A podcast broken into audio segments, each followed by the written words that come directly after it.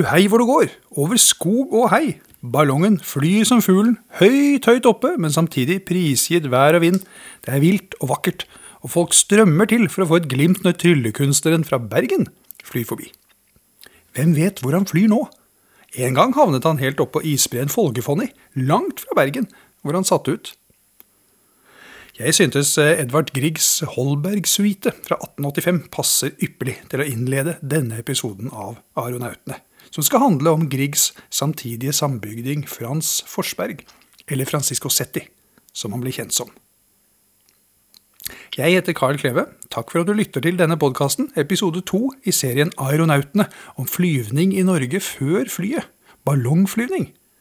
Denne episoden skal handle om tryllekunstneren fra Bergen, Norges første flypioner, eller aeronaut, som man kalte det den gangen. Francisco Setti. Gjennom 1800-tallet hadde ballongflyvning vært populært i Europa. Det startet med Montgolfier-brødrene allerede i 1783, og i Skandinavia var det først og fremst i Sverige og Danmark at det var flere som prøvde seg som aeronauter. Førstemann i våre trakter var dansken Johan Petter Kolding, som gjorde fire ballongoppstigninger i København i årene 1811 til 1814. Første gang var i april 1811. Ingen av dem var så vidt jeg vet særlig lange. Det er også mulig at ballongene hans var bundet fast til bakken, en såkalt kaptivballong. Kolding forsøkte også å sende luftpost med ubemannede ballonger over Storbelt under den eh, britiske blokaden av Sjælland i 1808 under napoleonskrigene. Men dette mislyktes, bortsett fra enkelte propagandapamfletter som havnet den andre veien, i Skåne. Han opplevde det samme som alle som syslet med ballong opplevde, de er lite styrbare. Ikke i det hele tatt, egentlig. I 1851 da fløy første svenske på svensk jord. Per Sparre han fløy fra tivoli ved Skansen i Stockholm til Bjørknes utenfor byen. Men allerede i 1830 hadde to utlendinger kommet for å demonstrere ballongkunster. E.G. Robertson og Venetien omtales de som. Fornavn er ukjent. De fløy i Stockholm. Og frem til ca. 1890 så var det flere utlendinger som kom til Danmark og Sverige for å demonstrere ballongflyvning som folkeforlystelse. En tysker, Wilhelm Horst, han slapp forskjellige dyr opp i ballong i Malmö i 1846. Og 14.9.1851 skjedde Skandinavias første dødsulykke i luftfarten. Giuseppe Tardini han har flydd oppvisning i Sverige og Danmark hele sommeren med ballongen Samson, men den dagen styrter ballongen i sjøen utenfor København, og han drukner. Men sønnen Alexander og en ukjent dame reddes i land. I 1890 da er det endelig en nordmanns tur. Francisco Setti fra Bergen. Han tar jommen til og med norsk internasjonalt ballongførerdiplom, ifølge en kilde. Hva dette egentlig var for noe, må jeg finne ut mer om, for jeg har aldri støtt på noen andre som tok det. Ei heller hvem som utstedte, eller hva som krevdes for å få det. Jeg mistenker at det var noe han fant på selv. Eventuelt så kan det være den såkalte patenten han fikk av Luftseilasforeningen i 1910, som det er snakk om. Mer om det senere. Men noen skikkelig formell statlig godkjenning av piloter, ja, det må vi uansett ut på 1920-tallet for å finne. La Ville d'Orléans luftferd fra Paris til Norge 25.11.1870, som jeg snakket om i Aeronautene episode 1, den er behørig dokumentert, både i sin samtid og i nyere tid, i form av flere bøker, avisartikler, nettsider med mer. Men Norges første og egentlig eneste aeronaut Setti, derimot, om ham fins det ikke mye litteratur. Han nevnes så vidt i noen generelle populærvitenskapelige bøker om norsk luftfartshistorie, men det er aldri noen kildehenvisninger i de bøkene, så sannhetsgehalten eh, blir usikker. Så til dagens tema så må jeg stole mer på primærkildene. På arki arkiver, avisartikler, pluss det lille jeg kan finne i artikler og bøker. Mye er derfor usikkert, og av den grunn har jeg nå begynt et lite forskningsprosjekt om SETI. Foreløpig må jeg nøye meg med å forsøke å pusle sammen en beretning om hva, om hva SETI har drevet med når det gjelder flyvning. Men det som vil være virkelig interessant, eh, og et mål for videre forskning, det vil være å forsøke å finne ut av hvilken betydning hans ballongflyvning har hatt for fremveksten av norsk luftfart. Samt hva som egentlig drev ham. Hvorfor ble Francisco Setti aeronaut? En av ballongkurvene til Setti har overlevd til disse dager, og ligger på et magasin i Østfold som tilhører Teknisk museum. Jeg håper at vi kan få låne og stille den ut på Norsk Luftfartsmuseum en gang. Setti han hadde i hvert fall tre ballonger som er kjent. Den første han kjøpte i 1890 og kalte Christiania. Nummer to var Ulriken, kjøpt i 1894, og så Fridtjof Nansen i 1897. Nøyaktig årstall kan være feil her. Eh, hvilken av de tre som Teknisk museum har, det vet jeg ikke før jeg får studert nærmere den som står på lageret.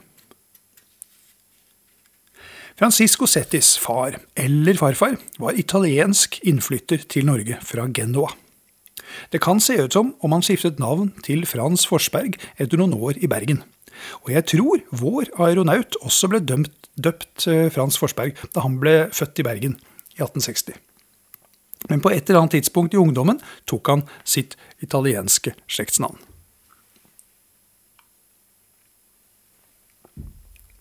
Francisco han var en kunstner.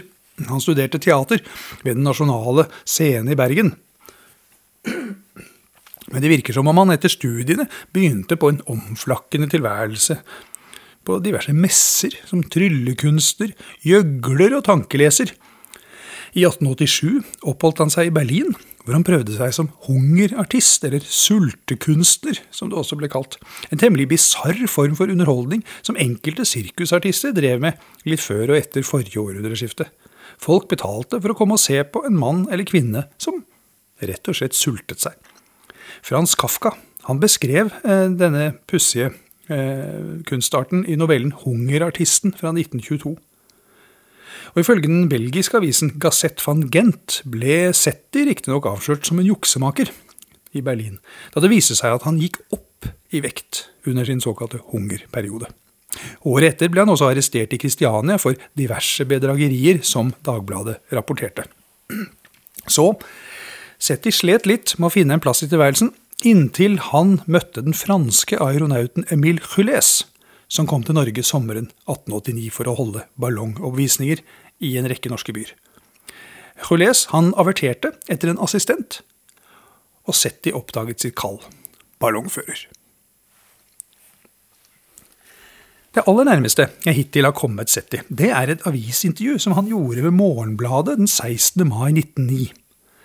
Journalisten Olaf A etternavn ukjent her, eh, han holder en livlig tone i artikkelen, og jeg har lyst til å sitere en del fra den. Den åpner slik. Setti kommer alltid dumpende ned fra himmelen, når man aller minst venter det. Til barnehjelpsdagen i 1906 kom han som en komet, samlet penger inn til saken både på jorden og i luften. Etter himmelfarten fra kontraskjæret forsvant han atter i det blå. Forgårs fikk jeg plutselig øye på hans blinkende pinseness, i døren til Kammermeiers boklade. Pincenest er altså en spesiell type brille uten feste over øret, som var populær på den tiden, og Setti så ut til å ha båret den bestandig. Artikkelen fortsetter. Hva i herrens navn, hvilken vind bleser dem hit? Tja, Setti peker på en plakat i vinduet. Tror de at jeg vil holde meg i ro i Stockholm når jeg hører at man her hjemme arbeider på dannelsen av en luftseilasforening? Det har jo jeg vært med på for mange, lange år siden. Den gang så røk prosjektet dessverre, ja, om forlatelse, i luften. Vi får håpe at man vil bli heldigere, du. Jeg var nettopp inne og tegnet meg som medlem. Selvfølgelig, men si meg, de nevnte noe om at de før en gang hadde vært med til dannelsen av en slik forening. Tør man spørre når? Der kan de se selv. De tager frem et sirkulære datert 20. november 1895 etter at havet nevnt luftballongens ubeskrivelige nytte i så vel militære som meteorologiske øyemed, og efter særlig at havet dvelet ved Ville d'Orléans fart fra Paris og landing på Lifjell 1200 km på 15 timer, 25 år i forveien, så slutter sirkulæret således.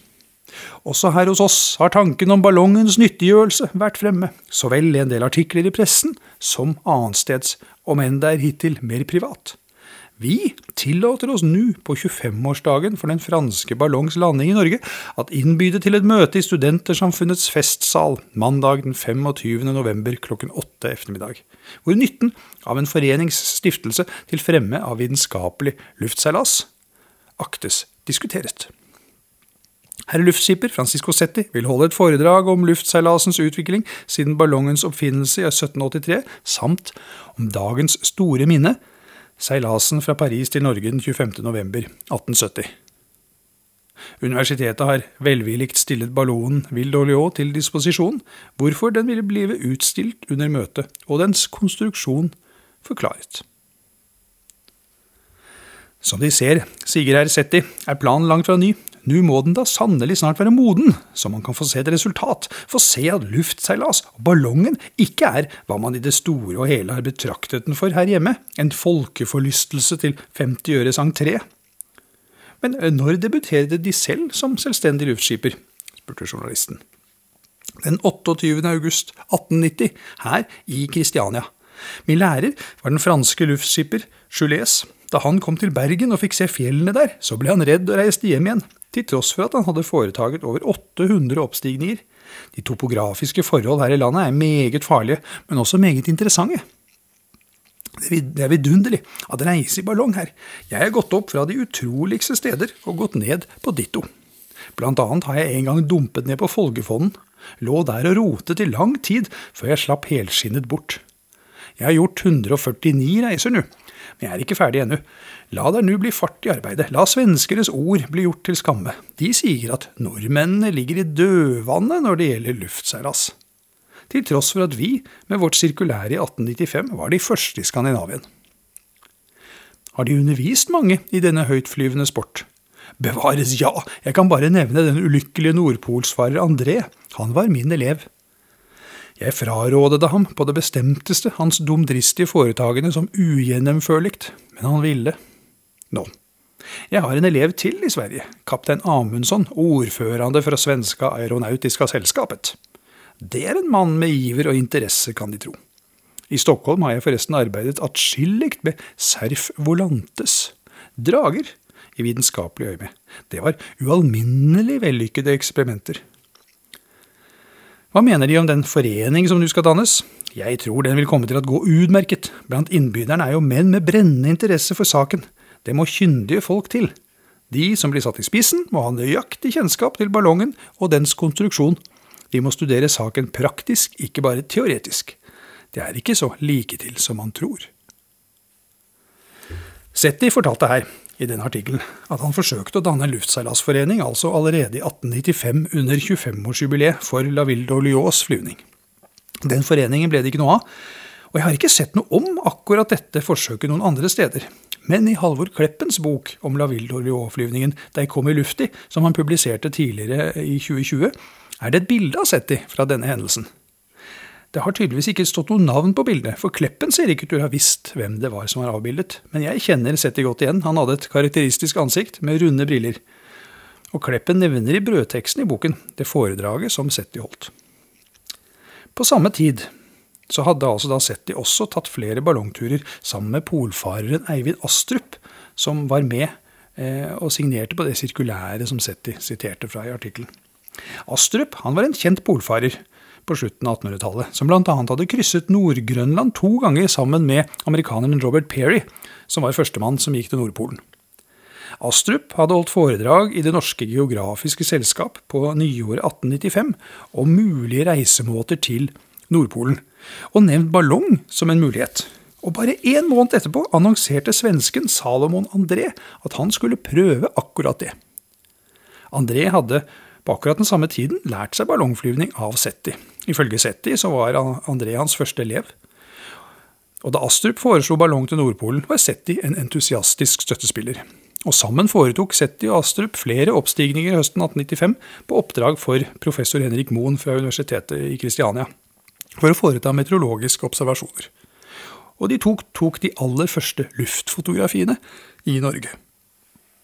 Samme høst 1895 altså, så skulle Setti også deltatt på den såkalte mobiliseringsøvelsen i Oslofjorden.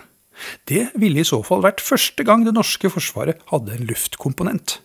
Ballongen ble fylt på forhånd eh, i Kristiania, eh, men eh, under frakten til Oscarsborg festning, hvor den da skulle stige opp, der sprang den lekk. Og dermed ble det ingen ballongflyvning under militærøvelsen. Og den barnehjelpsdagen i 1906 som Morgenbladet nevner, helt i starten på artikkelen sin, det var for øvrig egentlig ettårsdagen for unionsoppløsningen med Sverige 7.6.1906. For ikke å provosere svenskene unødig, valgte man å kalle dagen for barnehjelpsdagen i stedet. I Morgenbladet-artikkelen nevner Setti både hvordan han lærte å fly ballong, og den gangen han ramlet ned på isbreen Folgefonni. Den isbreen ligger jo temmelig vanskelig til, høyt oppe over Hardanger. Komme seg ned derfra med ballongen på slep var nok en temmelig strevsom tur. Og av høydepunktene for øvrig i Settis ballongflyverkarriere etter at han startet for seg selv i 1890, så kan jeg nevne eh, en annen slik strevsom tur. En av de aller første oppstigningene som Setti gjorde som show, den var i Bergen den 5. oktober 1890. Den fikk bred omtale i flere norske aviser like etterpå, bl.a. i eh, Aftenposten, av to grunner. Han hadde med seg en kvinnelig passasjer, frøken Randine Hansen, og det holdt på å gå riktig galt. Dagen startet med finvær, men så snudde det til gråvær ute på ettermiddagen da ballongferden startet. Ballongen den steg raskt opp til 1000 meter, men der snødde det, og vinden drev ballongen nordøstover fjellene i retning Arna og tett tåke. Glimtvis så de bakken oppå fjellet og forsøkte nedstigning, men det lyktes de ikke med før de kom over fjorden til Hausviken. Og der hektet ankeret seg fast i noen trær, ikke ulikt det Rollier og Bessier opplevde på Lifjell i 1870. Til slutt så ble Setti og frøken Hansen hengende i en einebærbusk i fjellskråningen, og ble trukket opp etter 20 minutter av lokale folk som hadde sett det hele. Så fikk de båtskyss over til Garnes og tilbudt eh, mat og losji av stasjonsmesteren ved jernbanestasjonen der. Men Setti han ville hjem til Bergen fortest mulig, og da dro han straks i teatret om kvelden. Og Der ble forestillingen avbrutt, slik at han kunne komme opp på scenen og fortelle om sin viltre ferd. Begge, både han og frøken Hansen, de kom uskadd fra dramaet, men ballongen var ødelagt, og frøken Hansen mistet sin paraply og sin lommebok. Og Mossavis, Mossavis de meldte året etter at Setti hadde havnet i elven under en ballongoppstigning i Trondheim, altså i 1891, og en navnløs passasjer druknet. Og det tror jeg nok må være Norges første dødsulykke i luftfarten. Francisco Setti flyttet til Sverige i 1892 og begynte å reise rundt fra by til by for å holde ballongoppvisning, på samme måte som hans franske læremester Emile Gilles hadde gjort i Norge i 1890. Du kjøpte altså en billett for å komme innenfor gjerdet og se på forberedelsene og oppstigningen på nært hold. Og for en solid slant så kunne du også få bli med opp. Den bitte lille kurven på 1 til halvannen kvadratmeter hadde gjerne plass til et par passasjerer i tillegg til Setti. Noen av passasjerene ble med opp flere ganger for å lære å fly selv. Han som Setti altså regnet som sin aller første elev, var Salomon August André, nordpolsfareren. Han fløy første gang med Setti den 21. august 1892 fra Tivoli på Djurgården til Bogesund på Lidingø, for de som er kjent i Stockholm. De neste årene fløy Setti, både i Sverige og Norge. En av annonsene for ballongoppvisningene hans fra Fredrikshall tilskuer 30. mai 1896 eh, ber om hjelp fra 30 edruelige menn til assistanse under gassfyllingen så det var temmelig krevende å arrangere ballongshow. Setti deltok i feiringen av Nansen og Johansens hjemkomst fra deres tre år lange framferd til Nordpolsområdet i 1896. De to hadde overvintret og til og med greid det kunststykket å returnere tykkere og tyngre enn da de dro. Så dyktige var nordmenn til å overleve i isødet. Kristianias historie, bind fire fra 1928, skriver om hjemkomstseremonien i Kristiania 9.9.1896 at selv luften var erobret, over plassen svevet Setti, foregangsmann i norsk luftfart, i sin ballong. I 1898 innleder Setti et samarbeid med stockholmsfotografen Oskar Haldin om å ta luftfotografier av svenske byer. Haldin utviklet et eget apparat for å holde kameraet helt stødig og pekende rett nedover, mens Setti utviklet en teknikk for nøyaktig oppstigning og rotering av ballongkurven, slik at Haldin kunne ta bilder 360 grader i forhåndsbestemte høyder som var like fra sted til sted. 200 meter, 800, 1000, 2000 og 2400 meters høyde. Setti og Haldin var ikke de første i verden til å ta luftfotografier. Den æren tilkommer franskmannen Felix Nadar på 1860-tallet.